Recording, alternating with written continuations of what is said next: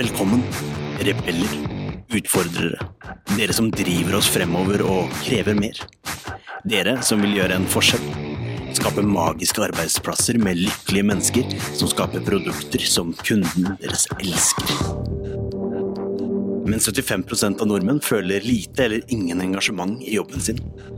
94% av ledere sier jo at smidighet og samarbeid er kritiske faktorer for at deres organisasjon skal lykkes. Men kun 6 av dem mener selv at de er smidige. Dette er podden som vil inspirere, gi deg konkrete tips og verktøy som vil hjelpe deg med å skape endringsdyktige organisasjoner med høyt engasjerte og motiverte ansatte som lager uslåelige produkter. Med Smidig-coachen, kurs- og foredragsholderen Ida Kjær. Ved sin side har hun kurs- og foredragsholderen, smidig-transformatøren og topplederen Tobias Falkberger. Sammen har de over 20 års erfaring med å jobbe i og lede smidige team og organisasjoner. Nå kjører vi! Hei og velkommen til enda en ny episode av Smidigpodden. I dag har vi en veldig spennende gjest. En Ja. gjest som jeg tror mange av dere kjenner fra før. Han har en veldig imponerende CV og har rukket gjort ganske mye stort inntrykk i norsk næringsliv. Det kan man si. Navnet hans er drumroll Torbjørn Larsen. Torbjørn han kan man vel påstå å si at er en av landets mest erfarne teknologiledere innenfor digital transformasjon smidig. Ja, han har fått til veldig mye i hvert fall, så det er ikke tvil om at det er utrolig spennende å ha ham på besøk. Torbjørn har jo jobbet i Nav som CIO. Jobbet med å smidifisere Nav, kan man si det sånn. Det kan man si. Ja. Gjort ganske store endringer på hvordan de har eh, si, håndtert IT og IT-utvikling. Yes, det kan man si. Og så var han CTO i mestergruppen, og nå er han i Suprasteria. Yes. Og så er han nå på vår pod for å fortelle litt om sin reise og litt av de takeawaysene han har. For det er jo smidig toppleder det er vi kanskje ikke så mange av, så det er jo utrolig kult å ha en eh, kompis der. Ja. Så det, da er han her, så reflekterer han litt rundt eh, det han har oppnådd, det han har jobbet med de siste årene, og kanskje Jeg tror det er noen gode golden nuggets som han kan ta med seg dersom man lytter. Det er det. Men vi skal ikke gå gjennom hele episoden. Vi skal låte Torbjørn få fortelle om, fortelle faktisk om seg selv. Yes. Men før vi gjør det, så er det jo påske. Ja! Er ikke det hyggelig? Det er veldig hyggelig. Eh, Og ikke minst så er man påskefri, så det er deilig å få en litt avbrekk. Og så har det jo vært eh, supervær. Ja. Så det er jo kult, for da kan man være ute litt. Og man kanskje til og med skal kjøre litt bil, og man kanskje skal reise på en hytte eller sånn, og der kanskje det er litt trangt, og da kan det være fint med litt sånn space. Og når man har varvet alle Smidenpodden-episoder og hørt de 23 ganger stykk, så kanskje man agerer på noe nytt. Og hva er da bedre enn en lydbok, Ida? Jeg vet ikke, jeg tror ikke det er noe bedre enn en lydbok. Nei. Jeg elsker i hvert fall lydbøker. Og vi er jo litt sånn at vi er sånn allspisere. Så vi spiser jo eh, både faglitteratur, men også en del skjønnlitteratur. Ja. Og det syns jeg er litt, sånn, litt deilig å få litt sånn avbrekk. Så det kan fort gå litt mye i fag. Så hvis man føler litt avbrekk føler, trenger Trenger. et lite avbrekk fra det faglige, så kan en skjønnlitterær bok være noe å anbefale. Ja. Det vi lytter veldig mye på, er Storytel. Ja. Og på Storytel så har de nå 14 dagers gratis prøvetid hvis man signer opp. Ja. Og der er det et bøtter og spann av gode bøker. Det er helt sykt mye. Jeg har alltid tenkt sånn, jeg har sett Storytel-reklamer, så jeg har vært sånn Å, herregud, enda en Storytel-reklame. Åh, de bare De kan ikke ha så mye. Men det er helt sykt mye bra. Har du lytta på noe spesielt, da? Ja, jeg er akkurat ferdig med en bok som jeg liker skikkelig godt. Altså, nå er jo jeg, Det vet kanskje ikke lytterne våre, men jeg er en skikkelig historienerd. Um, og drar jo med deg rundt på museer og det som er, til din store fortvilelse. Men nå har jeg lyttet på en bok, og det her er perfekt for meg, for da kan jeg liksom gå inn i min egen lille verden ikke sant, alene. Uh, og den heter Codename Lease, og den handler om en kvinnelig spion under andre verdenskrig. Og Det er megaspennende. Um, så den forteller egentlig om hennes liv under andre verdenskrig, og hva hun gjorde når hun var spion. Jeg skal ikke si så veldig mye mer enn det, men annet enn at denne boken er en eh, national bestseller og har fått sånn en million forskjellige awards. Ok, kanskje ikke en million, men veldig mange forskjellige awards. Um, og er en non-fiction-bok, men som er skrevet som en historie. Spennende. Superbra bok! Og jeg har jo nå, Den siste boken jeg hørte, var jo Anders Monsson på eventyr i Alaska. Lars Monsen. Lars Monsen, så klart. eh, på, på eventyr i Alaska. Som er, for de som ikke kjenner meg så godt, så er jeg gammel eh, eventyrsrotta. Og har gjort mine fair share med netter både på breer og i soveposer og smelta snø og andre ting. Og vært på toppen av de fleste av de høyeste fjellene rundt om i verden. Så for meg så var det litt sånn koselig å få Men det, har jeg liksom lagt litt sånn på hylla og blitt kanskje litt mer voksen, jeg vet ikke. Men eh, da er det veldig koselig å liksom mimre litt tilbake og høre andre sine skildringer av spennende eventyr. Men han trekker også inn litt sånn eh, hva skal jeg si, historie og fakta om hele Alaska-regionen. som eh, Til tross for at jeg har vært i Alaska selv, så var det veldig mye nytt. Så det var veldig spennende å høre på hvordan de som lever der, og hvordan de har det, og hvordan de har utvikla seg over tid. Da. Så det er veldig Så det anbefaler jeg. Så hvis man er eh, gira på å høre på noen av de bøkene som vi har hørt på, eller en annen bok, så har vi en linke der man kan signe opp til Storytel i beskrivelsen. Så har du 14 dager gratis. Du rekker i hvert fall en bok på den tida. Kanskje til og med to. Ja, det er påske, Du rekker mange, kan nesten en bok om dagen. bøker. Og det som er så fint, hvis man gjør det her, så får man ikke bare gratis kjempefine bøker i 14 dager, man kan, er også med og støtter Smidigpodden, Ja. sånn at vi kan fortsette å lage bra Smidigpodden-episoder. Og på tema eh, støtta Smidigpodden så har vi lagd et kurs som Yes. også er med og finansierer eh, det vi driver med her. Jeg har veldig lyst på sånn popfilter. Popfilter har vi lyst på, så det er sånn ting det er mye man har lyst på, og det koster penger. Så da er det fint at man får et lite bidrag inn. Og det som er så fint med kursen, er at dere får masse kompetanse, og vi får inn en liten krone som kan hjelpe oss å eh, videreutvikle podden til Det er jo et veldig bra kurs. Det er det. Og nå når det er påske, så kjører vi påsketilbud. Det gjør vi. Så hvis dere er interessert i det, så uh, fins det en, også en lenke til det i beskrivelsen. Yep. Og da får dere eh, nesten hele priset bort, holder jeg på å si. Så det anbefaler jeg veldig. Så med det så tenker jeg at vi drar inn Arvid, som kan fortelle litt om kurset. Og etter Arvid så kommer Torbjørn. Yes! Så her kommer gutta på rekke og rad. På rekke. Enjoy. Unnskyld at jeg forstyrrer deg midt i denne superspennende episoden, men jeg må bare fortelle deg noe. Forresten, det er meg, Arvid, fra introen. Er du en som ønsker å utfordre, drive oss fremover og kreve mer? Gjøre en forskjell og skape magiske arbeidsplasser? Men du bare vet ikke helt hvordan. Da har jeg noe som kan hjelpe deg. Tobias og Ida har laget et kurs. Kurset gir deg forståelsen og den smidige tilnærmingen du trenger for å tenke nytt om de organisatoriske byggeklossene, strategi, mennesker, prosess, struktur og teknologi. Lenke til kurset finner du i episodebeskrivelsen. Hei og velkommen til oss, eh, Torbjørn. Tusen Utrolig takk. hyggelig at du vil komme på besøk. Ja, dette blir kult. Ja. Jeg gleder meg. Så bra. Vi har jo veldig spennende tema i dag, men før vi dykker ned i det, så kanskje du har lyst til å fortelle litt om deg selv? Det gjør jeg gjerne. Eh, ja, Torbjørn Larsen heter jeg. Jeg er eh, eh, lykkelig gift og bor på Nesodden. Har to barn som er på vei ut av redet nå, så det er jo litt skummelt. Sånn veiskille i livet på mange måter. Sånn Faglig sett så pleier jeg å si at jeg vokste opp i softwareindustri. Eh, Jeg, var, jeg gikk eh, i Trondheim for, for veldig mange år siden, men jeg hadde gleden av å begynne å jobbe i veldig, veldig bra softwaremiljøer oppe i Forskningsparken eh, på Blindern. og det, det har vært en gave, har jeg tenkt sånn ettertid. Da, etter hvert som software har begynt å bli en ganske viktig greie i livene til mange, og, og for jobbene våre og egentlig for samfunnet vi lever i. Så, så det var, det var et veldig kult sted å starte. De første ti årene av livet mitt så jobbet jeg sammen med veldig dyktige programmerere og i dyktige programmeringsmiljøer. Og liksom lærte å forstå, forstå software og alle sider ved det. Kulturen og hva som får kule programmerere til å tikke. Og, og, og hva slags miljøer som bidrar til å skape bra software og sånn. Um, ja, det brakte meg over i Jeg fikk etter hvert litt sånn lederansvar, så jeg, jeg føler liksom jeg gikk vel aldri sånn ordentlig i dybden som utvikler. Innimellom kunne jeg angre litt på det. Jeg, jeg har veldig respekt for For meg er softutvikling et håndverk. eh, Akkurat som å lage sko eller å sy dresser. Man lager bra software som folk blir glad i. Eh, så, men jeg endte fort opp med å liksom, lede andre utviklere. eh, og etter hvert også lede liksom, IT-operasjoner, og stadig liksom, større IT-operasjoner. Eh, så Uh, ja, og skjønte vel egentlig veldig tidlig at de, de, færreste virksomheter eksisterer for å drive med IT. Uh, de, de, er der gjerne for å få til noe annet. Uh, gjøre en forskjell i folks liv, eller, eller, å treffe en nerve hos noen kunder, eller noe sånt. Så, så, så jeg hadde aldri noen problemer med det perspektivet at det handler ikke om IT. Det, handler, det er i beste fall et virkemiddel, så det handler om hva vi skal få til der ute.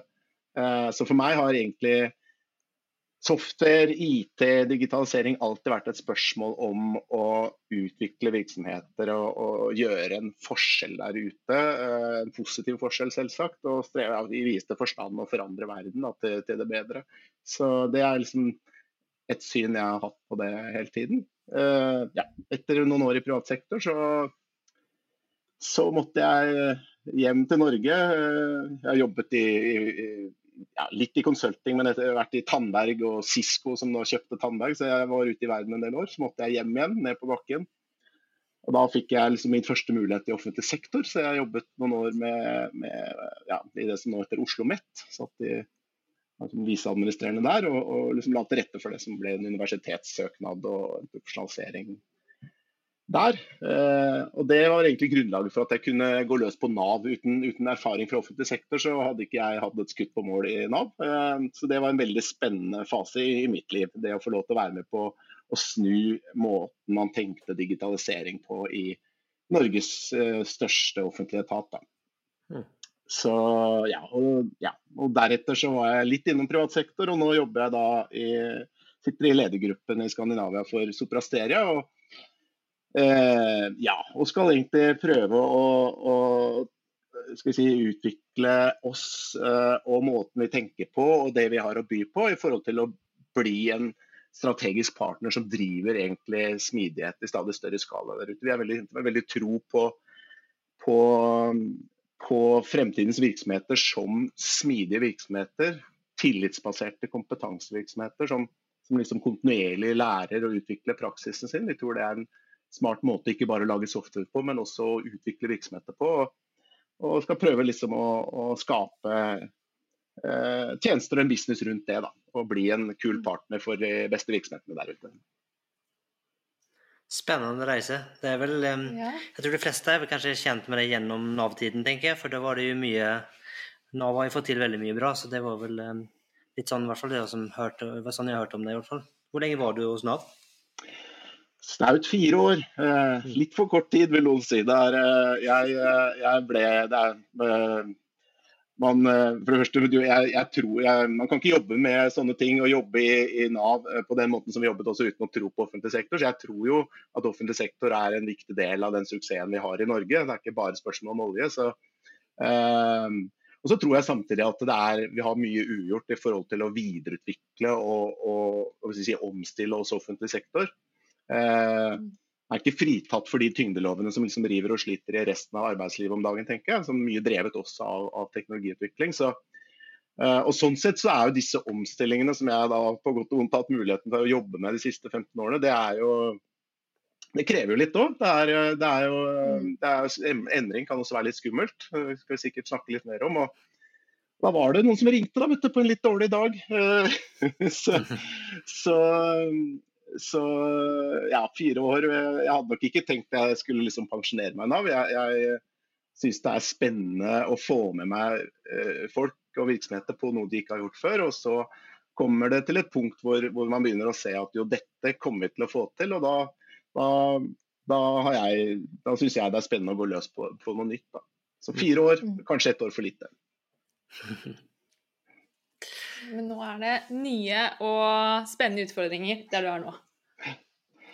Absolutt. Absolutt. Jeg, eh, det, det, er egentlig eh, Jeg tenker at det begynner å Altså Det som startet, altså smidig, som jo er tema for, for, for podkasten også, det, det, er jo en slags innsikt som man fikk i software-miljøer for kanskje så mye som 20-25 år siden. at eh, skal du, som, skal du lage kul software, så er det er det for det første ikke noe du liksom setter deg ned og, og, tegner ut på tegnebrettet og tar stilling til alle detaljer, og så går du etterpå ut og liksom bygger det eh, akkurat slik du tenkte det skulle være. Det er, det er, ikke sånn bra software blir til. Det, Det er en mer amorf størrelse, på en måte. Det er, det er veldig lett å endre på software. Det er mer som en skreven tekst, på en måte. Du kan, du kan gjøre endringer underveis etter hvert som du lærer ting. Og I tillegg så er det lurt at man sitter liksom sammen med de som skal bruke dette. her. Man lager jo ikke software for utviklerne sin del, man, lager software som skal liksom funke i, praksis for noen andre. Så, det at håndverkere og brukere sitter sammen og bygger og leverer kontinuerlig, det, det, det, skjønte man eh, i software-miljøer. Og jeg tror jo at, og det begynner vi å se nå også, at etter hvert som verden eh, har endret seg, teknologiutviklingen går for så vidt raskere. men og så begynner vi å ta i bruk dette på hjemmebane. så Vi som brukere eller kunder vi endrer og utvikler også preferansene våre. Det er forskjell på oss, rett og slett. Så one size does not fit all. Eh, så, så det er ikke bare teknologien som går fortere, men markedene endrer seg og blir mer nyanserte. Uh, og det som virker for noen, virker ikke for noen andre. Vi, vi kommer til å se mye mer av det f.eks. innenfor medisin, tror jeg. At, det, at behandlingsforløpene blir mye mer individualiserte og personifiserte. Og alt dette her kommer jo på en måte sammen og blir til et, et voldsomt endringsbehov da, for virksomheter. Mm. Man trenger egentlig Kompleksitet, ikke minst. da. Ja. Det er en kompleksitet som man trenger eh, ikke sant? Det er blitt vanskeligere å spå om fremtiden. Det er vanskelig å, å på forhånd liksom vite hva som er riktig for hvem. Uh, og Da må man også utvikle en endringsevne, ikke bare i måten man utvikler software og IT-løsninger på, men faktisk hvordan man driver og utvikler en virksomhet. Da. Mm. Så for meg er liksom tematikken blitt gått ifra å være smidig IT-utvikling til å handle om smidige virksomheter og det å bygge kultur for kontinuerlig læring og utvikling av både praksis og løsninger. Mm. Veldig spennende. Mm. Og Det er jo derfor du er her egentlig nå, i dag. For det er jo det som er liksom litt tema for, for, denne episoden, og det som er liksom spennende å, å dykke litt ned i. da, Akkurat dette. Um, så vi kan jo Vi snakket jo litt før vi startet om det å liksom hvordan man skal jobbe liksom, Hvorfor er smidig en god måte å drive verdiutvikling, da? Um, og hvordan er det man skal jobbe med, med lederne av bedrifter uh, inn i liksom denne transformasjonen, da, som jeg tror sikkert mange uh, strever litt med, da. Ja, det, det, jeg, det, siste tror jeg du har veldig rett i. og Det har kanskje vært noe av grunnen for meg også. Nå har jeg, jeg, jeg har jo jeg har på mange måter klart å styre unna konsulentbransjen i mange år. Jeg, så jeg har, jeg har, et par år som konsulent litt sånn tidlig i karrieren min, men, men, skjønte vel egentlig veldig tidlig at jeg, tror veldig sterkt på virksomheter som, som tar liksom ansvar og eierskap til egen skjebne. Da. Og, og det, det, det, gjelder jo altså, etter hvert som IT har gått fra å være en blyant til å bli liksom en del av av kjernen din, så tror jeg det er viktig at virksomheter også har et er kompetente på IT og digitalisering. Da. Ikke liksom tenker at dette, dette, dette trenger ikke å kunne noe om vi kan kjøpe det. Jeg tror, jeg tror, virksomheter trenger å bygge den innsikten. Og, og det samme gjelder jo endringsreisen. Man kan liksom ikke outsource en omstilling i den forstand. Uh, så, så, så, jeg tror veldig sterkt på virksomheter som, som bygger seg opp og har kompetanse på, på, viktige områder og tar ansvar og eierskap til sin egen utvikling. Og så tror jeg samtidig at de da også snur seg rundt og bruker markedet på en bedre måte. Så, så det merker vi jo at uh, kompetente virksomheter er også dyktige kjøpere, og et kult sted å, å, å, å jobbe også for, for eksterne. da. Eh, og jeg synes liksom jeg begynner å merke at, uh, at, virksomheter begynner å se det. Jeg tror til og med covid, liksom den situasjonen jeg, har, jeg står midt oppi nå, har på mange måter liksom aksentuert da, hele det endringsbehovet. Uh, man ser det at det som tok oss hit, er kanskje ikke det som tar oss videre. Jeg tror de fleste kjenner vel på at kommer, det er ikke den samme verden vi kommer til å komme tilbake til. Uh, jeg tror vi Dels har noen liksom uh, fått akkurat den dytten i ryggen de trengte for å liksom komme i gang med å bruke litt sånne digitale samhandlingsløsninger. Og sånn, og så er ikke det mm. Rocket science kanskje for, for andre. Men, men, men, man har liksom kommet et raskt kommet et skritt videre. Men, men det handler jo om mer enn det. Altså man har måttet utvikle nye verdiforslag, nye forretningsmodeller for å hive seg rundt og, og finne noe annet å leve av. Da, hvis liksom levebrødet ditt ble liksom stoppet opp. og sånn. Så jeg tror dette har liksom akselerert en del innovasjon eh, som du ikke kan på en måte skru tilbake igjen. Eh, og kanskje flere ledere også har oppdaget da, at eh, vi er nødt til å begynne å tenke litt høyt om fremtida. fordi det som tok oss hit, er ikke nødvendigvis det som tar oss videre. Mm. Og så tenker jeg ikke minst så må du kanskje ha litt mer tillit. Du må kanskje ha en annen type lederstil som du er blitt kastet ut i. Og ikke minst kanskje når du endelig har skjønt at du ikke kan predikere fremtiden, for du var ingen som predikerte covid. Eller kanskje var noen som gjorde det, men uh, Bill Gates. Men andre så, det, så det er kanskje noe der òg, at du liksom noenstans dett polletten litt ned. At oi, det var ganske komplekst, jeg må kanskje lede litt annerledes, og jeg vet faktisk ikke hva som skjer neste året eller i fremtiden. Mm. Jeg er veldig enig. Jeg tror, uh, og det, det, ser man jo at, at i, uh, når ting ble så akutt da, og endringene ble så voldsomme, så kan du ikke sette deg ned og gjøre en stor utredning. Og ha en lang konseptfase og liksom å tenke gjennom alle detaljene. Du må på en måte ut og, og begynne å improvisere. Du kan heller ikke ha liksom lange lederlinjer med mange, mange, ledd med styring og kontroll. Du må på en måte sette førstelinja di litt sånn i stand til å kunne agere der og da. Eh, og det går bra. Det funker jo. Eh, jeg tror liksom den erfaringen mange får nå, at eh, det, altså når man da slipper kreftene litt løs da. Jeg tenker jo, altså det jeg hører om også hvordan Nav har klart å hive seg rundt. Det, er ganske interessant å tenke på. når jeg begynte i Nav i 2015, så, så, så, jo, så satt jo 19 000 ansatte i Nav med med Citrix terminalservere og, og, svære IP-telefoner på pulten. Og, og, og, det var veldig vanskelig å gjøre nytte for seg Nav hvis du var på farta. Mm. Uh, jeg fikk jo sjokk. Uh, jeg, jeg, liker å tenke at å lede er jo å være ute blant folk, så jeg var jo på farta hele tiden. Jeg følte det var, det var, um, det var vanskelig, og Veiledere tok jo med seg penn og papir ut når man var ute og hadde møte med arbeidsgivere og sånne ting. og og førte jo opp da alt det de måtte bli enige om, og så var det tilbake igjen og på en måte skrive det, skrive det inn. da. Eh, så det er klart, og det, og det, måtte vi gjøre noe med. Jeg, jeg, jeg kom jo fra, fra, en verden som var vant til å, å flytte på seg og, og, være på farta. Man har møter, man, man, eh, man er rett og slett ikke låst til pulten sin. Da. Og, og, og da startet vi jo det som etter hvert ble til mobilitetsprosjektet i Nav. Uh, og Det var jo en litt sånn crazy tanke at liksom plutselig skulle 19 000 ansatte i denne store statlige etaten få en verktøykasse og en grunnutrustning som gjorde det mulig å jobbe med hvem som helst, når som helst, fra hvor som helst. Mm. Uh, så for meg var en veldig naturlig ting, men superskummelt i en virksomhet som uh, Og det genererte masse herlige diskusjoner om liksom ja, nei hvordan kan jeg vite at folk har jobben sin når jeg ikke ser dem, liksom? Eller, mm. eller hvilket ansvar har vi som arbeidsgivere når, når, når plutselig liksom hjemmet blir en del av arbeidsplassen? Uh, ja, hvor bra er dette for, for, kultur og samhold? Det er mange, mange motforestillinger. Mm. Men, men, vi jobbet oss gjennom det. og det er klart at når covid traff, og vi fikk lockdown da for ganske nøyaktig et år siden, og sånn, så var jo, var jo liksom 15 000 Nav-medarbeidere operative nærmest over natten. Da. Mm.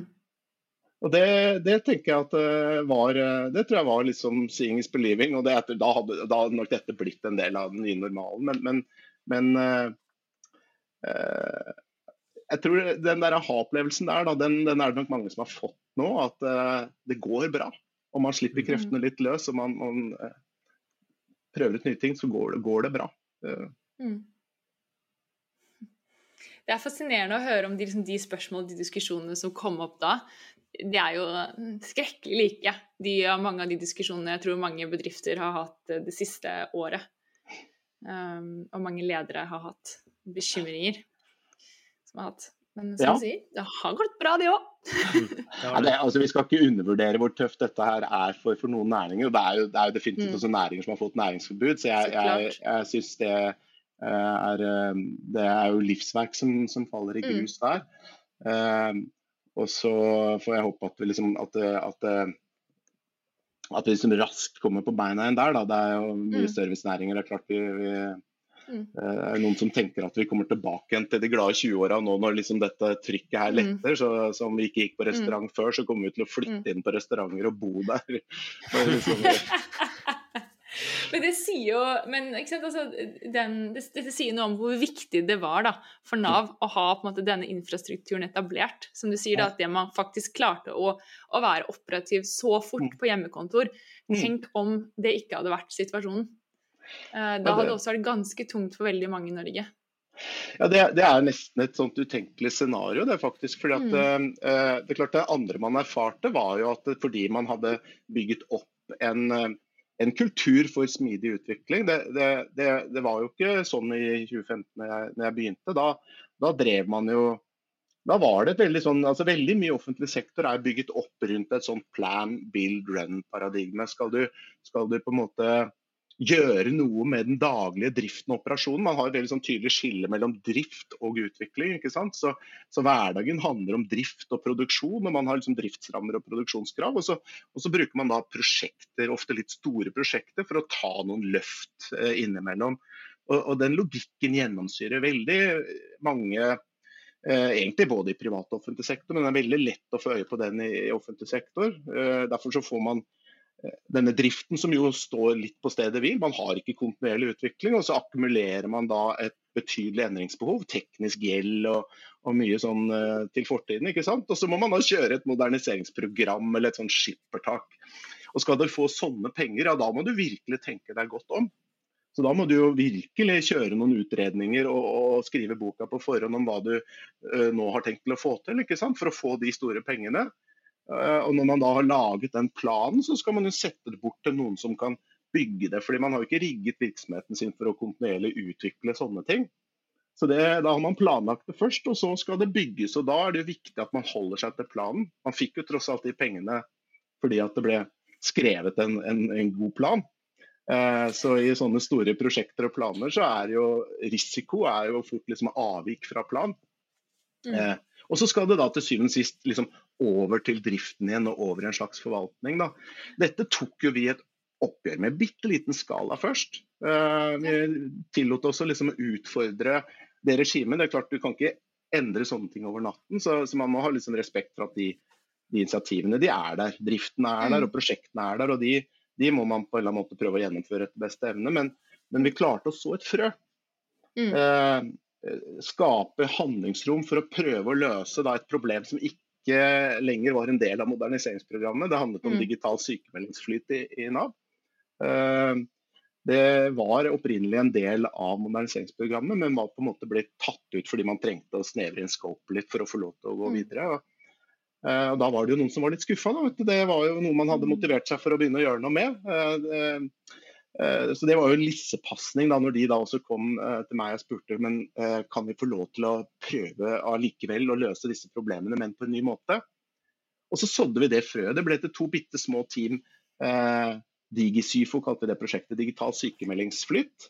Ja, det handler om, handler om, de løsningene som gjør at når du går til legen i dag og, og, og da får en sykemelding, så så får du en, en, melding også fra Nav, eh, kanskje til og med før du nærmest rekker å gå ut av legekontoret, litt avhengig av hvor raskt den legen da committer den sykemeldingen. Så, så får du en melding, som, så, og så stiller Nav deg noen spørsmål. og Det kan være litt skummelt første gangen. da, at eh, at du har vært hos legen og blitt sykemeldt, og så Hei, det er fra Nav, jeg ser du har vært hos legen. Så, så Nei da, det er ikke det er, vi, det, er, det er, en melding som er litt mer nøytral enn det. Men, men, og så skjer det en masse ting. Arbeidsgiver blir varslet. Så det, så det, er en del automatikk som skjer rundt den mm. livshendelsen det er at noen blir syke og blir sykemeldte. Da. Mm. Men dette, dette var det liksom ikke rom for å løse med et prosjekt, så vi skapte da noen tverrfaglige team rundt det problemet. og og, og, de hadde jo allerede tenkt litt, så de hadde på en måte en nordstjerne. De visste på en måte hvor de skulle hen og, og, og, hvilken retning de hadde lyst til å begynne å gå i for å mm. løse det problemet. Um, og så fant de da penger til at de kunne begynne å jobbe litt kontrollerende med det i to team. Og så fikk de mm. samtidig også blankofullmakt til, til, å gjøre det på litt nye plattformer. De, de, de ble jo også starten egentlig på det, um, det plattformarbeidet som da var gjort, da, som egentlig handler om å sette teamene i stand til å kunne bygge og levere kontinuerlig og, og release når det passer teamene, egentlig. Mm. Dette kalte man jo Mickey Mouse-IT i den tiden. Det var, dette var liksom eh, dette var jo to bitte små søte team du, mellom 10-12 svære gorillaer av noen prosjekter. Eh, man lo litt av det, faktisk. Det, liksom, det ble ikke tatt helt sånn seriøst. Men, men, et drøyt år senere så sto jo de to teamene på scenen i Konserthuset og hadde fått da digitaliseringsprisen 2017. Eh, og da var det ingen som lo lenger. Nei. Og det var egentlig ganske kult. Eh, jeg, og min læring oppi det er jo, er jo også at det er, det er, man skal overhodet ikke undervurdere verdien av eksempelets makt. Da. i, i sånne omstillinger. Seeing is believing. Mm. Men hvor, hvor, bevisst var det her, hvor, eller hvordan ble det, ble det, litt til mens dere gikk? Eller liksom, hva, hva, for hvordan din, din rolle inn i Nav, var det ønsket fra starten at her må vi gjøre noe grep, du får frie hender, eller var det eh, eller ble det også måte, til i den stillingen du hadde? Nei, det er klart, jeg, jeg, jeg kom jo inn med den bakgrunnen jeg hadde da, eh, fra, fra software-miljøer. Jeg hadde på en måte hatt gleden av å måte vokse opp i, i veldig bra software-miljøer eh, når jeg var relativt fersk og nyutdanna. Så, så, og jeg la jo ikke skjul på det på en måte i, i den prosessen. Så, så, så, jeg hadde jo med meg mitt syn på hvor verden gikk hen. Jeg, jeg hadde jo også jobbet noen år i, i en stor global aktør som Cisco, som jo også hadde en veldig omfattende eh, datasenter og skyagenda, ikke minst. Eh, så jeg så jo på en måte hvor den verden gikk hen også. Eh, I Cisco så var på en måte datasenteret nærmest det nye serverkabinettet. Man snakket om lights off-operasjoner. og allerede den gangen liksom, om veldig sånn software-definerte, automatiserte egentlig datasenteroperasjoner som, som, som eh, som det er veldig vanskelig å levere på liksom, under pulten til liksom, eh, eh, små driftssjefer rundt forbi. Så, så jeg, jeg, hadde jo med meg et syn inn allerede på at eh, sky er kommet for å bli. Eh, og det på en måte automatiserer og moderniserer ganske mange ting, og gjør det også mulig å jobbe enda mer avansert med, med, med sikkerhet. Og så, og så, skal man bare jobbe seg gjennom en del ting, og det utfordrer jo et paradigme som allerede er der. Eh, men eh, det synet, og samtidig jo bra software blir til i små, tette miljøer som bygger og leverer kontinuerlig. Alt dette her på en måte var ting jeg hadde med meg inn. Og så handlet det mest om å, om å finne handlingsrom. Det, Nav var jo det hadde jo noe som hadde gått Det hadde jo liksom gått eh, litt ordentlig gærent, men, men uh, midt oppi det hele så klarte man jo faktisk å levere på denne første fasen av moderniseringsprogrammet. Det er liksom noe som druknet litt i den støyen som var der. Det, dette er jo dyre programmer. Det var et moderniseringsprogram i tre faser som, som hadde en prislapp på 3,5-4 milliarder sånn opprinnelig. Eh, og det som eh, skjedde var egentlig at Man leverte jo på den første fasen, som handlet om at man hadde endret uførepensjons, en uførepensjonsreform og endret hele regelverket der. Så det var jo en stor pengestrøm som da skulle på en måte endre retninga, den har sagt. Utbetales etter, etter, et nytt regelverk og på en ny måte. Og Det leverte man på. Altså, eh, man leverte funksjonelt sett på det, og, og, innenfor den kostnadsrammen som var der, men man klarte ikke å levere på det med den teknologien og, og den, den våte drømmen man hadde om å realisere dette som, eh, ja, som starten da på en, på en eh, på en plattform som også skulle håndtere veldig mange andre ytelser. Så, og Det er egentlig ganske interessant læring som ligger der også. fordi um, dette var et moderniseringsprogram som nettopp var som skrevet um, altså man, man, gjorde jo konseptstudier, og man hadde jo på en måte tenkt og tegna og, og, tatt stilling til på en måte hva som skulle lages og hvordan det skulle lages. Og, og, og mye av narrativet i moderniseringsprogrammet var jo nettopp det at man skulle realisere da uh, realisere denne gigantiske felleskomponenten, denne vedtaksplattformen. Eh, som alle vedtaksmodulers mor, som jeg, jeg noen ganger liker å tenke på det som. Så, som da kunne gjenbrukes. og Det var jo noe av den arven man hadde fra den SOA-tiden. Hvis man spoler liksom ti år tilbake før det, da, da lærte man seg liksom å dekoble systemer i noen grad. og uh, Svære, gigantiske monolitter ble da til litt mer gjenbrukbare SOA-tjenester. Og, og, man utviklet noen protokoller for å få dette til å spille sammen. Uh, så Det var for så vidt et, et skritt i riktig retning. Men så, så i hvert fall slik jeg ser det, da, så, så, tok det litt av. og man, man, begynte, man ble så veldig opptatt av dette med gjenbruk. så liksom, Man ble veldig opptatt av å finne disse generiske felleskomponentene som kunne gjenbrukes på tvers av, av, av nesten hva som helst. da. Eh, så, så, det var liksom Den negative arven fra SOA-tiden var at man dro eh, ideen om gjenbruk og felleskomponenter altfor langt. Og, og, og Nav var veldig sånn, Moderniseringsprogrammet var veldig tuftet på den tanken der. Eh, og Det var kanskje liksom interessant tenkning fem og ti år før, men, men realiteten er at eh, den type felleskomponenter blir veldig fort det gigantiske flaskehalser i arkitekturen din. Eh, og så har du kanskje miljøer som sitter rundt og passer på det, så du, du mister veldig mye flyt og fart. da. og endringsevne når veldig mye av operasjonen din hviler på noen sånne få, store, gigantiske felleskomponenter. Så, så moderne arkitekturtenkning og moderne softwareutvikling er blitt mye mer opptatt av å bryte opp også disse felleskomponentene, og heller snakke om eh, domeneorientert design. Altså det at du heller rammer inn folk og kode i, i noen forretningsdomener, slik at du kan jobbe helhetlig og godt med innovasjon og kontinuerlig forbedring innenfor et domene uten at alt henger sammen med alt. altså Uten at du må spørre hele verden og andre domener om lov. da. Eh, så med andre ord, Moderniseringsprogrammet var på en måte tuftet på et tankegods som verden egentlig hadde løpt litt fra. Og, og, og når det først tryna, så var det veldig, veldig vondt og vanskelig der og da. Men, men, men, realiteten er i retrospekt at det sendte utviklingen i en mye bedre retning. Og det handlingsrommet lå der.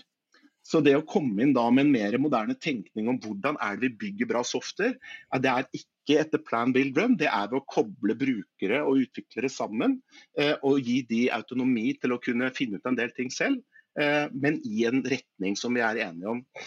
Mm. Det handlingsrommet lå der, og når da liksom også tenkningen kom inn, så var, det, så var det absolutt rom for å begynne å gjøre det i liten skala. Og når man da så at det virket, så ble jo to team til fem og ti og 15 team. Um, og Hvis man nå spoler litt frem, så er det klart at eh, jeg, jeg, jeg, liker å tenke at det liksom var opp altså I 2015 så, så hadde man en, en, stor prosjektportefølje på hva vet jeg, 10-15 prosjekter kanskje, og, og, fire hovedreleaser i året. Eh, og det, det, var enorme, for det var jo veldig mye som skulle ut da fire ganger i mm. året. Eh, og så hadde man noen feilrettinger og sånt noe innimellom der, men det var liksom hovedlogikken. Mens, mens, de første teamene som da gjorde det såpass bra at de ble etter hvert til noen og nå til mange, og nå sitter det jo mer enn 100 tverrfaglige team i Nav og bygger og leverer endringer eh, 200-300 ganger i døgnet. Ja. Så du har gått ifra Ikke sant? Det er ganske kult. Det er ganske kult. Er, da har du blitt en mye mer da, dynamisk organisme som kan liksom spise deg inn på stadig eh, nye ting. Um, og, det, og, det, gjør også Nav nå i stadig større skala. Så jeg jeg syns det er en helt fantastisk historie om, om, om, hvordan det går an å gjennomføre en sånn dreining. Og det er klart at Dette gjør at løsningene blir bedre, for man prøver å feile sammen med brukerne veldig raskt. Mm. Uh, de kommer fortere.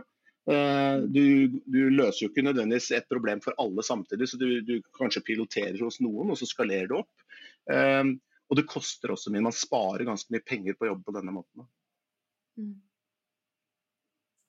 Jeg vet jo at uh, jeg var på, holdt en presentasjon på HR Norge, og da var det var Nav der òg. Da husker jeg de fortalte litt om ganske fantastisk rekruttering man har gjort òg. Eh, for det var jo tilbake i de, de, gamle dagene som du forteller om, så var det jo vel nesten bare konsulenter. Så har man jo liksom, som du sa helt innledningsvis, det er jo noe med å jobbe på en måte som Kanskje det var før vi begynte å spille inn, forresten. Eh, jobbe på en måte som faktisk attraherer, eh, og at folk ønsker å jobbe der. Og det syns jeg mm. Nav er et godt eksempel på, for der er det jo flere hundre utviklere. Liksom, det er et tøft marked som man har klart å attrahere, og det sier noe. Det tror jeg man aldri hadde fått til hvis man ikke hadde få til den endringen? Da, for det er ingen som hadde ønsket å jobbe på kanskje den gamle måten heller? Nei, jeg, jeg, eh, Vi snakket jo litt om det innledningsvis også, at jeg tror jo at uh, dette som da softwareindustrien skjønte for, for, for 20-25 eh, år siden, at, at Eh, software er en, en, ganske sånn amorf størrelse. Du, du, bygger den best, altså Software blir best når du liksom bygger litt sten på sten, lirker og lurer og lærer på plass de gode løsningene. Og når da håndverkere og brukere også sitter sammen og prøver og feiler. Det, mm. det er sånn du lager bra software på. Ikke ved å skrive boka på forhånd og så liksom eh, og så, eh, sette i gang en stor innsats da for å gjøre akkurat det du sa du skulle gjøre for ett eller to år siden. Fordi verden endrer seg så raskt. Uh, og, og, den måten å tenke softwareutvikling på, det, eh, det, er jo egentlig et spørsmål om å håndtere også usikkerhet. Det problemet du skal løse, den verdien du skal skape, det endrer og utvikler seg fortløpende. Og Heldigvis så kan du da også endre og utvikle software fortløpende. Men, men det mindsettet der og den utfordringen også med, med høy grad av usikkerhet om fremtiden, og sånn, det har nå kommet til virksomheter i stort. Mm. Så sånn sett så, så, så har, har, eh, smidig mindset gått fra å handle om smidig IT-utvikling til å handle om smidig virksomhetsutvikling. Mm. Um, og det som, er, det, det, det som, er, bra med det, da, det, den gode nyheten for å si det sånn, da, til organisasjoner, er jo at det er egentlig en veldig kul måte å jobbe på.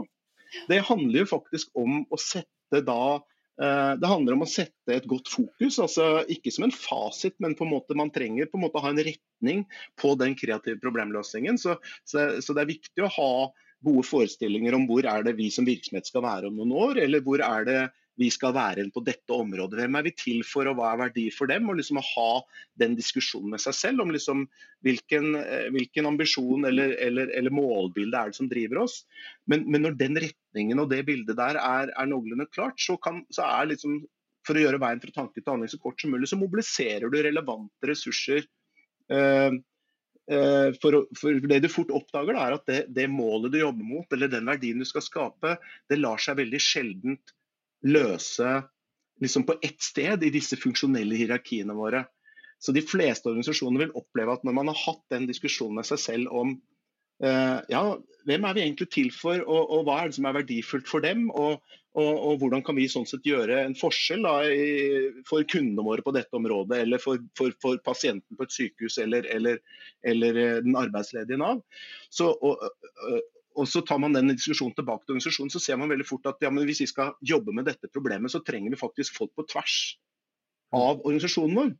Mm. De som virkelig trengte Nav, de som virkelig trenger Nav, de trenger jo ikke bare litt penger eller litt veiledning, de trenger liksom hele pakka.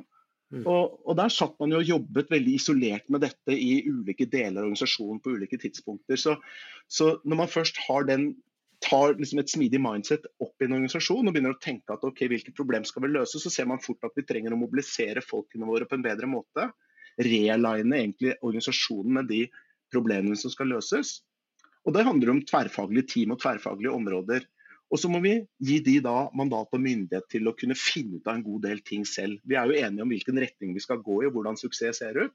Og når vi da i tillegg mobiliserer de gode og riktige ressursene inn eh, i et område som da er som satt i stand til å, å begynne å jobbe, så, så, trenger man ikke så mye styring og kontroll. Så dette er jo egentlig en kul måte å jobbe på.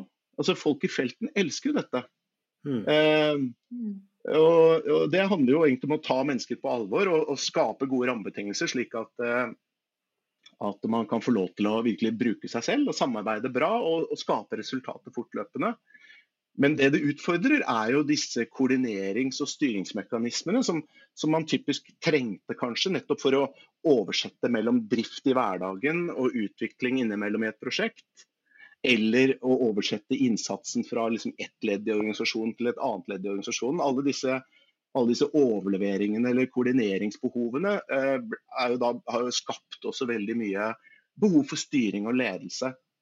Så jeg tenker at eh, ja, smidig utvikling og det å mobilisere organisasjonen på en ny måte og begynne å bygge og levere kontinuerlig, det er lurt både for verdiskapingen, men det, det, skaper også et ganske kult arbeidsmiljø. og Skal du tiltrekke deg bra folk, så må du faktisk by på sånne hverdager. Da. Mm, jeg er helt enig. Jeg tenker jo at eh, kundeverdi i sin natur er jo tverrfaglig. Det er jo liksom, ja. Eh, men du må jo skifte litt mindset fra output altså til outcome, eller effekt. Ja. da. Ja. Eh, for det er vel der man kanskje trent på at man, liksom, man, er så opptatt av bare å gjøre ting. Og det klarer du å gjøre innenfor samme fagfelt. Men hvis det skal skape noen effekt og det skal ha noen kundeimpact, så må du gjøre det sammen. Så du må liksom få det mindset-skiftet med deg. da. Mm. Absolutt. Og det, det, er jo også en del av altså De fleste, fleste organisasjoner har, hatt, har, har liksom en tendens til å bli ganske introverte over tid. Uh, og så er det Jo bedre, jo mer suksess du har også. så liksom du, du er jo tross alt blitt en vinner på ditt område ved å, å, være veldig god på å gjøre en del ting. Så, så, du blir på en måte mer og mer opptatt av, uh, av å på en måte videreutvikle og foredle det som liksom har vært vinnerformelen din. da. Og sakte, men sikkert så handler på en måte uh, strategiene dine, planene dine og utviklingsinitiativene dine handler om å videreutvikle dine greier. Eh, det handler om hva vi skal gjøre. Prosjekter eh, eh, har en tendens til å være veldig nærsynte på nettopp liksom, hva skal vi gjøre nå, altså hvilke aktiviteter skal vi gjennomføre. Men, mens de er mye svakere på, på nettopp altså, hvilken effekt og impact er det vi faktisk skal oppnå. Mm. Og, og, og, Da lager man detaljerte planer for hva som skal gjøres, og så styrer man på det. Og så, og så kan man da sånn sett bli hardt feilarbeidende i stor skala, egentlig. Fordi ja, vi gjorde akkurat det planen sa, eller, eller eh, men, men, men, men, gjorde vi den forskjellen vi, vi burde ha gjort liksom der ute? Så jeg er helt enig i at det, det å begynne å jobbe med smidighet i stor skala er også en øvelse i å begynne å se virksomheten fra utsiden av og inn, og ikke fra mm. innsiden av og ut, mm. som mange gjør. Og det er, jo, det er jo ja. Det er det jo skrevet. Det kan jo være veldig, og det kan jo være veldig tøft òg, for plutselig så kanskje du kommer med en anerkjennelse at alt det du har gjort, kanskje ikke skapte den effekten. Eller, og da er det kanskje egentlig mye av det som blitt gjort, kanskje var litt bortkasta. Den er jo ganske rough, da. Så det er jo liksom noe der òg.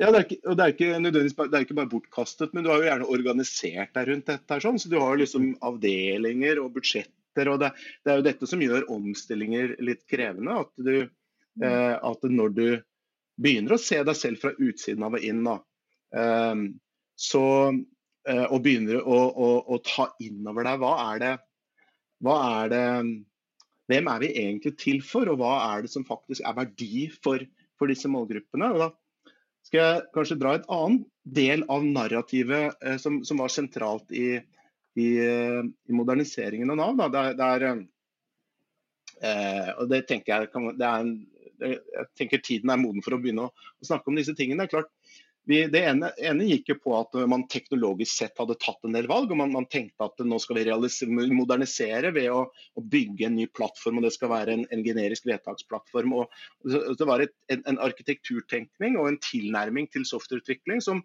som eh, tiden hadde løpt litt fra, da, for å, for å, si det på den måten. og Det føler jeg vel egentlig at den utviklingen man har klart å skape etterpå, viser ganske bra. Nå realiserer man disse tingene som mikrotjenester som lever mye mer løskoblet fra hverandre innenfor ulike domener. Og, og, og da får du ikke bare sånn, raskere, du går mer rett på mål.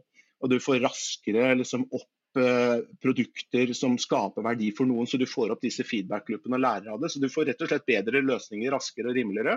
Men du får også en veldig mye mer endringsdyktig kodebase. Så, så, så, så det var et oppbrudd med den tenkningen som lå der. Men den andre tenkningen er jo litt at altså, det at man eh, man skulle modernisere eh, Nav. Eh, og Det handlet mye om, om å effektivisere saksbehandling.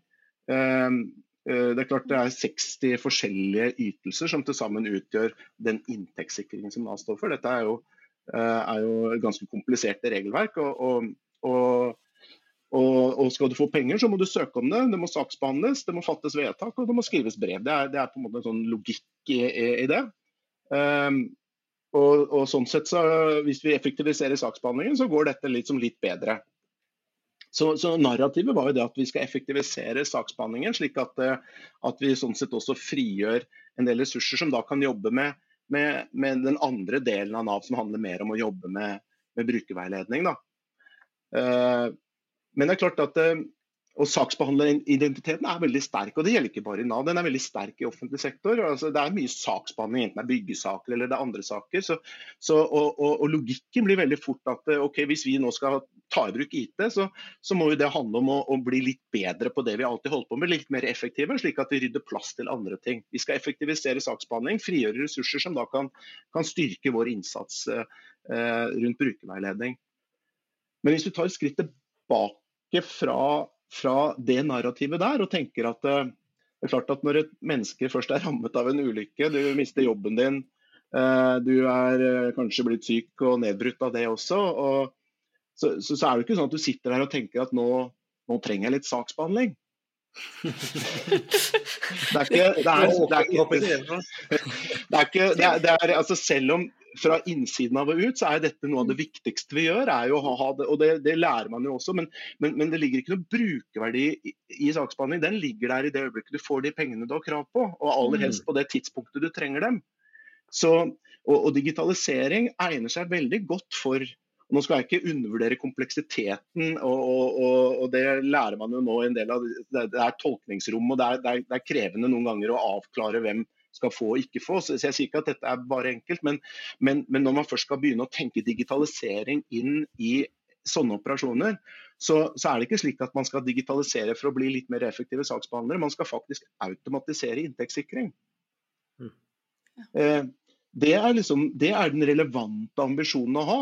Eh, og så kommer det til å ta lang tid. og Det er ikke slik at man bare begynner å automatisere vedtaket i Øst-Vets over natten. Men, men, det er utrolig viktig å være drevet av den relevante forestillingen om hvor verden går hen. Og ikke minst også om hva som er verdifullt for brukeren der ute. og det er jo nettopp at Hvis man, hvis man har en supereffektiv automatisert inntektssikring, så kan man også mye raskere da, da tar du bort det problemet. da. Eh, for den familien eller den, den personen som, som allerede som står der og er stressa og frustrert. Eh, da vet jeg i hvert fall at jeg har, har, eh, har til, til, mat i morgen og til husleie. Og så kan man da raskere begynne å jobbe med det som egentlig betyr noe. Som kan handle om, om ulike former for tiltak som skal hjelpe deg tilbake igjen eh, på sporet av, av, en jobb og sånn. Så, så, når man tar det utenfra inn-perspektivet og, og, er litt ærlig med seg selv, så snur det veldig fort opp ned på liksom ja, hva, hvem er vi til for, hva er verdifullt, og, og, hvordan kan de faktisk bidra til å skape den verdien.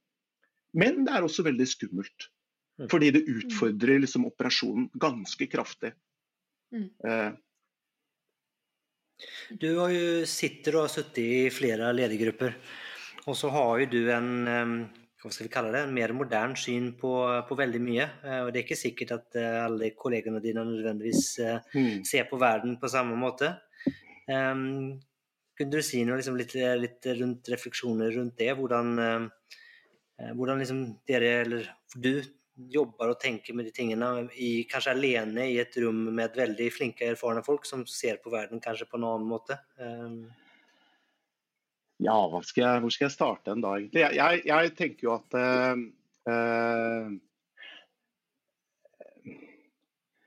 Er, jeg tror For det første så tror jeg at, at disse, altså, transformasjon er veldig krevende. Så, så, så, så, hvis man først er en stor, etablert virksomhet, eh, så er så Mitt syn på verden er jo at, eh, at vi gjennomlever noen tiår som, som handler om mer enn to grader kursendring. Det, jeg, eh, så det, det er liksom kanskje mitt utgangspunkt for å ta disse diskusjonene også med mine lederkollegaer, uansett hvor jeg måtte være, nå for å, å, gå løs på nye jobber også, er at jeg, jeg tilhører nok de som tenker at verden kommer ikke til å forandre seg radikalt sånn fra et år til et annet. Uh, uh, dette er, er prosesser som, som, tar litt lengre tid.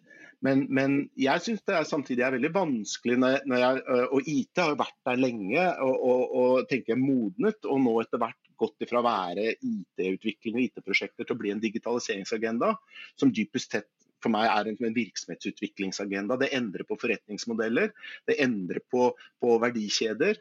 Uh, og det endrer sakte, men sikkert også på jobber. Det er ikke, det er ikke sånn at jobber blir borte over natta. Uh, det er ikke jobber som blir automatisert bort, det er rutineoppgaver. Eh, og det er ikke så mange jobber som består av bare rutineoppgaver. Eh, det er nok noen av dem. så liksom Uh, sitter du i kassa på en eller annen butikk, så kan det godt være at, uh, at, man skal begynne å tenke seg litt om.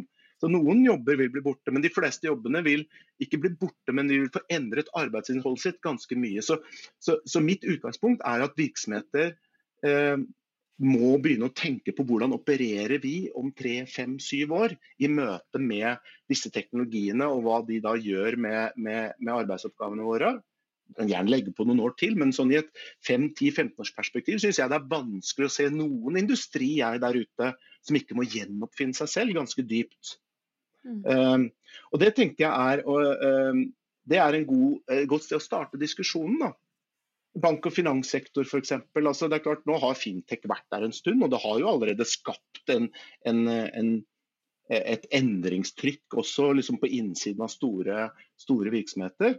Og så har det ikke spilt seg ut så raskt som mange kanskje trodde. Men, men, men det er klart at eh, det er ganske stor forskjell på, på, når man sto der. Jeg husker jo når man begynte å, liksom, å liberalisere bank- og finansmarkedene liksom, på 80-tallet, jappetida. og da, da, da, var det jo flaut å be om lån, nesten. og Du, du sto med lua i hånda virkelig, liksom. Mens nå er jo penger og finansielle produkter blitt en vare, og du kan liksom shoppe mm. mer rundt. Du fikser mer på nettet. Eh, de beste bankene har jo 24-7 service osv. Så, videre. så Så verden har jo endret seg ganske mye. og jeg tenker eh, ja, vi har 150 sparebanker i Norge. Jeg vet, jeg vet, ikke hvordan det landskapet ser ut om fem og ti år, men jeg, jeg, er ganske overbevist om at de som står igjen om ti år, det er de som på en måte tenkte godt om hvor verden går hen. Så Der starter den diskusjonen uh, for meg uh, med ledergrupper. og det er klart hvis, det, hvis jeg da er i en ledergruppe som tenker at nei, her er alt helt såre vel. Her er det ikke behov for å endre på noen ting. Vi har knekt koden. Og, og, og, det som tok oss hit, er definitivt også det som kommer til å ta oss videre. Vi har ingen problemer. Um, jeg har ikke sett noen industri eller bransje hvor, hvor jeg tenker at det er tilfellet, men, men, jeg har sett ledergrupper som godt kan tenke på den måten. Og da tenker jeg at da, da tenkte jeg litt sånn lykke til. Og så får jeg på en måte prøve å, å, finne på noe annet. Men de fleste begynner nå å bli litt opptatt av dette. De begynner å mm. kjenne litt på dette omstillingstrykket. Um, og da flytter diskusjonen seg. Så det, det, første er liksom på en måte ok, hvor står vi, hvor går vi? Hvor, hvordan opererer vi om, om fem år? Um, uh, hvilken nordstjerne er det vi på en måte skal, skal, eh, skal uh, strekke oss mot? Og når man på en måte, Det er jo ikke noen fasitdiskusjon, men når man liksom har fått litt sånn moment for endring, da, så blir neste diskusjon her hvordan kommer vi i gang. For det er mye mm. hverdag der. Det er, det er en, og jeg tenker at I større virksomheter som da skal i gang med sånne endringsprosesser, så, så er det en øvelse å ha to tanker i hodet samtidig. Mm. Du, hvis, du, ja, nei, jeg skulle bare, bare fortsette med dine to tanker. Ja, ja. Nei, altså det, det, jeg, jeg, tror jo eh, Jeg tror ikke man skal altså, og det kan, Jeg kan nok noen ganger liksom misforstås dit hen, eh, fordi jeg, jeg, er veldig opptatt av nettopp dette målbildet. Eh, litt sånn fordi jeg, jeg, kanskje trenger det for min egen personlige liksom, motivasjon innimellom. Altså, okay, hvor, hvor, er vi på veien nå? Jeg, jeg, jeg har alltid likt å jobbe i miljøer eh, fra jeg var ganske ung som, som på en måte hadde et, et ambisiøst endgame i sikte. da. Uh, og Så kan det flytte seg, for du lærer ting underveis, men det er, liksom, det er jo kult å være med på en reise som, som, som betyr noe. da. Så, mm. så, så, men, men, eh, og det kan man fort bli oppfattet som at ja, hvis ikke verden liksom endrer seg totalt i morgen, så, så, så er det en fiasko. Det er, men, men, for meg er det ikke sånn det henger sammen. Men, men du må vite du, hva du strekker deg mot. fordi Hvis du ikke vet hvor du i hvert fall ønsker å være, da, og hvordan du ønsker å mm. operere om fire-fem år, hvordan i verden skal du da vite hva som er riktig å gjøre i morgen? Mm. Eller om en uke, eller de neste månedene? Mm. så, det, så, det, er den funksjonen jeg mener dette, dette litt ambisiøse målbildet har. Det hjelper deg liksom også å sortere på en måte ut hva du gjør nå. Og så står du der da med en stor legacy-operasjon. Gamle systemer, funksjonelle hierarkier, Eh, og, og, byråkratiske på en måte plan- og budsjettprosesser og sånn. Og Det er jo ikke noe du snur opp ned på over natten. så jeg tenker at eh, Når man da er enig med at ok, vi skal nå over de neste tre, fem, syv årene gjennomfinne oss selv, så er det en øvelse av to tanker i hodet samtidig. Da må du begynne å tenke at okay, vi må håndtere den operasjonen som er der. Vi skal optimalisere legacy eh, så lenge den er der. Men vi må også plante et frø og komme i gang med innovative måter å jobbe på. Eh, liksom, i tverrfaglige team på nye måter som går mer rett på mål. Eh, og, og, og, lære av det, slik at du skaper de første gode eksemplene. Og så kan du begynne å skalere opp de når organisasjonen er moden for det, og ta det i stadig nye retninger. Så får du egentlig en utvikling der man jobber i parallelle universer over litt tid. Og kan liksom mm. trappe ned på legacy etter hvert som du skalerer opp da Agile Enterprise, da, som jeg liker å kalle det, eller den smidige virksomheten. Mm. Mm. Ja, for jeg tenker jo for, eh, for ledergruppen også, så må det jo være vanskelig å, å få med liksom alle på denne reisen her. For det er en ganske stor omstilling for enkeltpersoner også, som sitter i ledergrupper, og plutselig skulle tenke på denne måten. Um, har du noen liksom erfaring med hvordan du kan liksom få med deg folk og det? For det er litt, det er litt skummelt også at det er ikke alltid du kanskje Du har kanskje litt en North Star, du vet litt altså, du, tenk, du har noen tanker om visjonen hvor du vil, men allikevel så endrer verden seg så fort. Og det å akseptere at du heller kanskje ikke vet akkurat hvilke steg du må ta, da.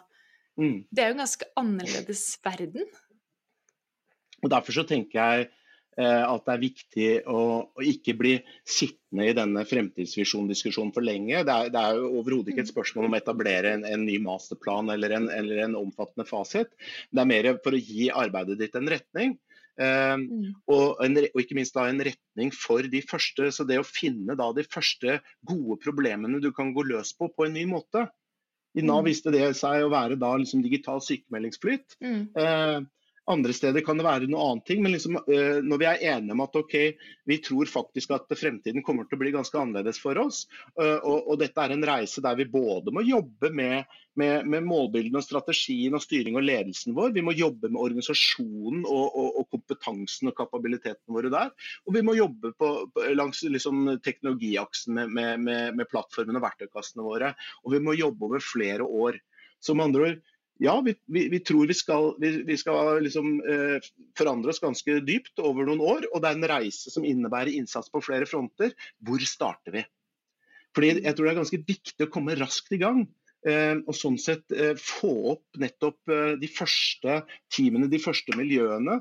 Som nettopp kan begynne både som en vehicle for learning, altså at du kan begynne å lære. Du tar ned risiko. Eh, og du gjør organisasjonen litt trygg, og du demonstrerer ideelt sett også suksess. da. Mm. Um, Men hvor mye skal du, når du velger å kjøre en sånn litt sånn eh, proof of concept, nesten, omtrent. Eh, hvordan, hvor mye måte, skal du rydde veien for disse teamene? Hva tenker du rundt det? For du har jo ganske mange mekanismer i organisasjonen som du må spille på, men som du kanskje ikke ønsker deg videre, men som man Nei, jeg tenker jo at eh, jeg tror det er litt viktig at, eh, at det det parallelle universet som du da etablerer. det er klart, igjen, Du er tilbake til den første diskusjonen din. Hvor hardt vil vi egentlig dette? er sånn? For hvis det er litt mm. sånn eh, jeg, jeg, jeg, jeg, liker ikke å tenke på, på, på, den innsatsen du da begynner å investere i for å, å komme i gang på en ny måte. Eh, på, en, på en smidigere, mer tverrfaglig måte. og sånn. Jeg tenker ikke på det som et proof of concept. Det er, det er, et mer alvorlig veddemål enn som så. Da har du mm. tatt stilling til at jo, vi tror faktisk vi skal forandres ganske mm. dypt, men vi kan ikke gjøre det over hele fjøla. Men, men, men, du må rydde plass til et initiativ som, som, som, faktisk skal få lov til å holde på en stund. da. Og hvor du mm. er innstilt på å gi den tilliten som du kanskje ikke har liksom, eh, i stor skala ennå. Eh, og jeg tror det er ganske viktig at ikke nissen blir med på lasset der sånn. Eh, jeg tenker jo at eh, jeg tror det er en del, en del virksomheter som, som, tenker at de er i gang med moderniseringen sin, men de har liksom ikke turt å ta skrittet helt ut. og Det er fortsatt mye seremonier rundt disse releasene. Det er fortsatt noen andre som bestemmer om jeg kan få lov til å gå på lufta med en løsning. Eh, og Skal du snakke med brukerne, så må du passe på at du har med deg liksom, eh, tredjeparter. Altså eh, hvis, hvis det preger det nye initiativet ditt, så tenker jeg du liksom kom veldig skjevt ut fra hoppkanten. Jeg tror det er litt viktig at det er, at det er reelt liksom smidig og autonomt, da. men i liten mm. skala og med hyppige feedback-looper. Digisyfo-teamene eh, de hadde første MVP på lufta etter en fem-seks uker, hvis jeg husker riktig. Um, mm.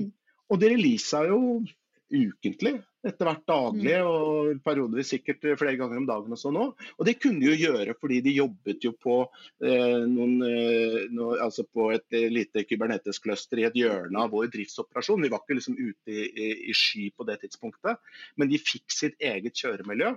Eh, og ble etter hvert også da støttet av, av noen plattforminitiativer som, som så, så, så, det var for alle praktiske målmål liksom et, et, noe helt nytt. da. Og det rommet må du skape. Eh, fordi Hvis de skulle på en måte bli stående, og det var noen fighter vi måtte ta, men hvis de måtte forholde seg fortsatt til en omfattende releaseprosess og, liksom, og ikke kunne gå på lufta annet enn til neste kvartal og sånn, da har du jo drept initiativet før det har begynt. Ikke sant. Eh, ja. mm. Og selvsagt måtte de også få en verktøykasse de kunne leve med. Dette ble også starten på Det var ikke bare jeg som trengte på en måte en, en PC og en mobiltelefon. Trengte, hvis du skulle begynne å tiltrekke deg bra folk, så måtte du jo kunne by på en verktøykasse som, som, som funka i hverdagen. Så de fikk frihetsgrader som var ganske betydelige fra dag én. Men, mm. men, men, i liten skala, og, og, beviste at jo, men det gikk jo bra. Ja. Og det tror jeg er litt viktig, faktisk. At man, at man, eh, for ellers så lærer du ikke de riktige tingene heller. Med det Torbjørn, så tror jeg vi må begynne å runde av og hoppe inn på de siste spørsmålene. Vi har veldig, veldig mange spørsmål egentlig igjen, og det har vært veldig, veldig morsomt og eh, interessant å ha deg med. Men jeg tror vi må, må prøve å runde av likevel. Så, eh, men du skal ikke slippe helt ennå. Du skal få mimre tilbake litt til, til gamle dager. Så første spørsmål spørsmålet er hva ville du fortalt 20 år gamle deg? Oh, det begynte å bli en liten stund siden. da jeg var 20, da var jeg veldig, jeg var veldig ivrig student. Så jeg var også veldig engasjert på samfunnet. Og vi drev egentlig og jobba med å rigge den første internasjonale studentfestivalen i Trondheim. Så, Så, så uansett hva jeg skulle fortalt meg da, så hadde jeg antageligvis ikke nådd fram.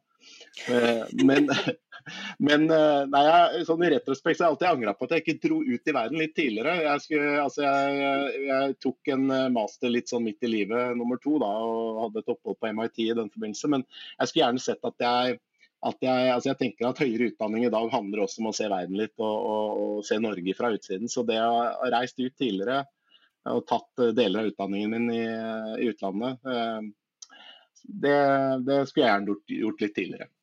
Mm. Ja, godt, eh, godt tips. Jeg mm. føler litt på det samme. Jeg har heller ikke studert uh, utenlands, så jeg angrer litt, litt, på det. Men sånn er det. Du er fremdeles ung, Tobias. Takk. Neste spørsmål da, det er hva mener du kjennetegner en god leder? Oh, jeg, jeg, jeg, ble, jeg, jeg utvikla liksom Eh, en lederidentitet ganske sånn seint i livet. Jeg, jeg, jeg, tenkte alltid på meg selv som en av, en av, en av de andre. og Jeg var nok i uh, slutten av 30-årene før jeg liksom steppa opp og begynte for alvor å ta, ta litt større lederroller. da. Så jeg og har etter hvert utvikla Jeg har en veldig sånn tro på ledelse, men ledere må addere ledelsesverdi. da. Uh, og ikke løpe rundt og kontrollere at andre gjør jobben sin. Så For meg så er sånn, god ledelse handler om å virke gjennom andre, tenker jeg. og, og det å å, å, skape rammebetingelser og, og, et miljø og et klima som gjør at, at de du jobber sammen med, som blir liksom den beste utgaven av seg selv. Da. Få fram det beste i seg selv, enten som individ eller som team.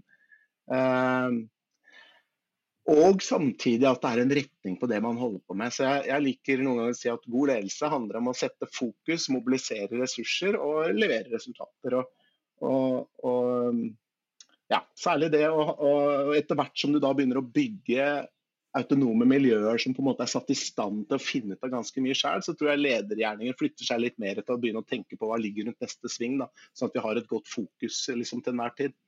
Uh, ja. Kjempebra. Um, har du noen tips på om man ønsker å komme i gang litt? Eh, vi har jo snakket om det veldig mye, men eh, etablere en mer smidig kultur? Som siste, om skal prøve å liksom formulere det på litt spist, kanskje man kan kalle det? Ja. Nei, jeg tror det handler om å, om å, om å starte Altså etablere da dette parallelle universet og, og, og skape handlingsrom for, å, for å, å, begynne å løse konkrete og verdifulle problemer på en, på en virkelig innovativ måte. Da. Mobilisere folk på tvers av, av gamle skillelinjer eh, med en tydelig bestilling, men ha tillit da, til at de Eh, kan finne ut av hvordan å komme frem selv. Eh, men samtidig sikre at det er hyppige tilbakemeldinger, leveranser underveis. og sånn. Så det å, å, å, komme i gang på en innovativ måte i liten skala, og, og ha også tillit da, til at når du mobiliserer de beste folkene dine inn på et verdifullt problem, så, så har du allerede skapt en contest. Det blir ikke så mye bedre enn det. Det er ikke noen plan som på en måte ikke da må man ha tillit til at det som kommer ut av et sånt team med en, med en god retning og god bestilling, det er det beste du kan få til. Eh, og så tror jeg man da fort blir faktisk overrasket og sjarmert. Det var jo det vi så etter hvert i Nav også, i disse få, små, få første miljøene. Eh, de leverte så bra at det ble en sånn wow-faktor rundt det. Mm. Nice. Har du noen bøker eller podkaster du ønsker å anbefale? Du var litt inne på podkaster før vi starta. Eh, ja, nei, Hvis vi starter på bøker, i hvert fall, så noen av de som på en måte har vært viktige for oss, eh, var viktige for oss i Nav, og som jeg har tatt med meg videre. Så, så jeg har vært en ivrig student av liksom State of eh, DevOps Reports, og, som nå ble oppsummert i en bok som heter eh, Accelerate. Eh, som Jess Humble, uh, Jean Kim og ja, uh, Nicole Forsberg er det vel som, som, Så det er en ganske sånn, viktig bok i forhold til å få en del sånn fakta på bordet om at jo liksom DevOps og, og, på en måte autonome team, DevOps, det, det, funker og det skaper veldig gode effekter. Da, for det er, det er en del det er, eh, det, er, det er, motkrefter og det er et bygdedyr som tenker at nei, dette blir hjemme alene-fest og, og, dette kommer i hvert fall til å gå bra. Men den boka er på en måte så bra og så faktabelagt at den diskusjonen er litt sånn ferdig snakka. Da. Men 'Accelerate' er en viktig bok som, som mange utviklere liker. Så eh, blitt veldig sjarmert av, av, eh, av, en annen bok som heter 'Team Topologies'. Mm. Som egentlig en som heter Matthew Skelton, og så husker jeg Farten ikke Pai, heter vel han eh, andre som har vært med der. Og det er egentlig en bok som på en måte prøver å se litt på, hvordan opererer Hvilke team og konstellasjoner er det vi ser i virksomheter som på en måte har, holdt på med å jobbe smidig en stund og blitt smidig i litt større skala. Um, og den har liksom satt liksom ord på, på liksom, ja, hva slags team er det man type skal begynne å tenke på, og, og, hvordan er det de samarbeider. Jeg tror Noe av det viktigste er nettopp det at du, du har liksom de verdiskapende produktteamene dine innenfor noen verdistrømmer eller forretningsdomener, eller hva man velger å kalle det. Og så har man da plattformteamet. Det er jo gjerne en proxy for den gamle driftsoperasjonen, men, men mindsettet som den boken er veldig opptatt av, at plattformer eksisterer utelukkende for å, for å selvbetjene og akselerere eh, brukernær verdiskaping da, produktteam, sånn at den rydder opp litt i det. Ja, vi skal ha noen plattformer. De skal være tynne, og de skal ha eh, produktteamene og utviklerne i fokus. Det er de vi er til for. da. Så plattformteam, produktteam, og så har man et par andre teamtyper. Men det syns jeg er en veldig kul bok for, for, virksomheter som har lyst til å bli smidige i litt større skala. Mm. Eh, den siste en som jeg har lyst til å trekke fram, den er vel kanskje litt sånn fluffy for sånn hardcore teknologer, men, men eh, en som heter Edge, uh, Value Driven Digital Transformation. Den er egentlig skrevet av tre mennesker i uh, Thoughtworks-miljøet. Uh, mm. En av de, jeg husker ikke navnet på de, Jim Highsmith er i hvert fall en av de. Han er en sånn han var faktisk en av de tolv som da var med på å forfatte Agile Manifesto i sin tid, så han, har, han bør ha litt kred. Men, men, det er egentlig en bok som prøver å, å å sette litt sånn ord på hvorfor er egentlig smidighet viktig. Så Den tar mer utgangspunkt i nettopp litt det vi har snakket om her også. At verden er i rask endring, usikkerheten er blitt større, eh, endringstakten er blitt større. Eh, og Samtidig så er digitalisering heller ikke nice to have. De fleste virksomheter har i dag en digital kjerne som de må forholde seg til. Og liksom Av alle de grunnene så trenger du å tenke annerledes om, eh, om måten du jobber med virksomhetsutvikling og digitalisering på. Da. Så den, mm. eh, og så går den inn bl.a. litt i hvordan du kan bli mye mer verdifokusert i måten du styrer på. Altså at initiativene dine bør være et uttrykk for en, en tilstand jeg har lyst til å realisere som har en verdi for, for brukergruppene mine. Så du, du egentlig så styring blir en øvelse å sikre at du bruker tid og penger på de mest verdifulle problemene. Da. Uh, og, og, og, hvordan kan du sånn sett sikre at vi jobber med, med, de tingene som virkelig betyr noe der ute. Så, så jeg syns den uh, liksom, uh, litt mer fluffy for teknologer, og, og, kan fort bli til liksom litt for mye mat for folk som er glad i mye styring, så man må passe seg litt der. Men, men gjort riktig så tror jeg det ligger en del læring for de som er opptatt av å prøve å lage en lean og agile styringsmodell. Mm. Spennende. Den må vi kanskje sjekke ut, eh, Tobias. Jeg tror det. Den har mm. ikke vært uh, borte. De andre kjenner jeg godt, men den uh, siste er spennende. Gud. Hvis man ønsker å komme i kontakt med deg, følge med på hva du gjør, kanskje høre noe mer fra deg, det, hvordan, hva gjør man da? Nei, jeg, jeg, er vel såpass gammeldags at jeg tror kanskje LinkedIn er det stedet hvor jeg på en måte gir mest lyd fra meg. Jeg, jeg, er, ikke, jeg er, ikke, sånn superaktiv i, i sosiale medier, men, men men hvis jeg har noe på hjertet som, eh, som, jeg tenker er viktig for verden å høre, så er det som regel der jeg pleier å gi lyd fra meg. Uh, ellers så er jeg jo lett tilgjengelig der jeg jobber i dag også, i Soprasteria. Uh, og, og, er egentlig ganske mye ute og misjonerer det budskapet vi har snakket om nå, Agile Enterprise. Og, og liksom, uh, hva er det for noe, og hvordan kan man komme i gang, og hvordan ser reisen ut mot Agile Enterprise. Da. Mm. Helt supert. Da skal vi linke Spennende. opp litt uh, i episodebeskrivelsen. Så må jeg bare takke, eller vi må takke, for en kjempespennende prat, uh, Torbjørn. Det har vært uh, veldig fascinerende og interessant. Så jeg håper lytterne også har kost seg masse. Jeg har i hvert fall kost meg, kost meg masse, så tusen takk for, for muligheten. Dere. Så bra, så bra. bra. Takk selv. All right, så med det så kan vi si ha det bra, da. Det tenker jeg vi gjør. Ha det bra. Ha det bra. Tusen takk for at du lyttet på denne episoden av Smidpodden. Dersom du likte det du hørte, så abonner på Smidepodden, da vel. Da får du masse mer av denne type innhold i fremtiden. Dersom du har lyst til å støtte Smidepodden fremover, så gå gjerne inn på linken under og eh, ta kurset vårt. Du kan også så klart bruke noen av linkene under til bøkene som gjestene våre anbefaler. Det er affiliate links, og det betyr at Smidepodden får ei lita krone når du kjøper en bok, men du betaler så klart ikke en krone mer når du handler. Så med det så ønsker jeg deg en fortsatt fantastisk dag eller kveld, hvor enn det er du befinner deg i denne store, vide, vakre verden. Ha det bra!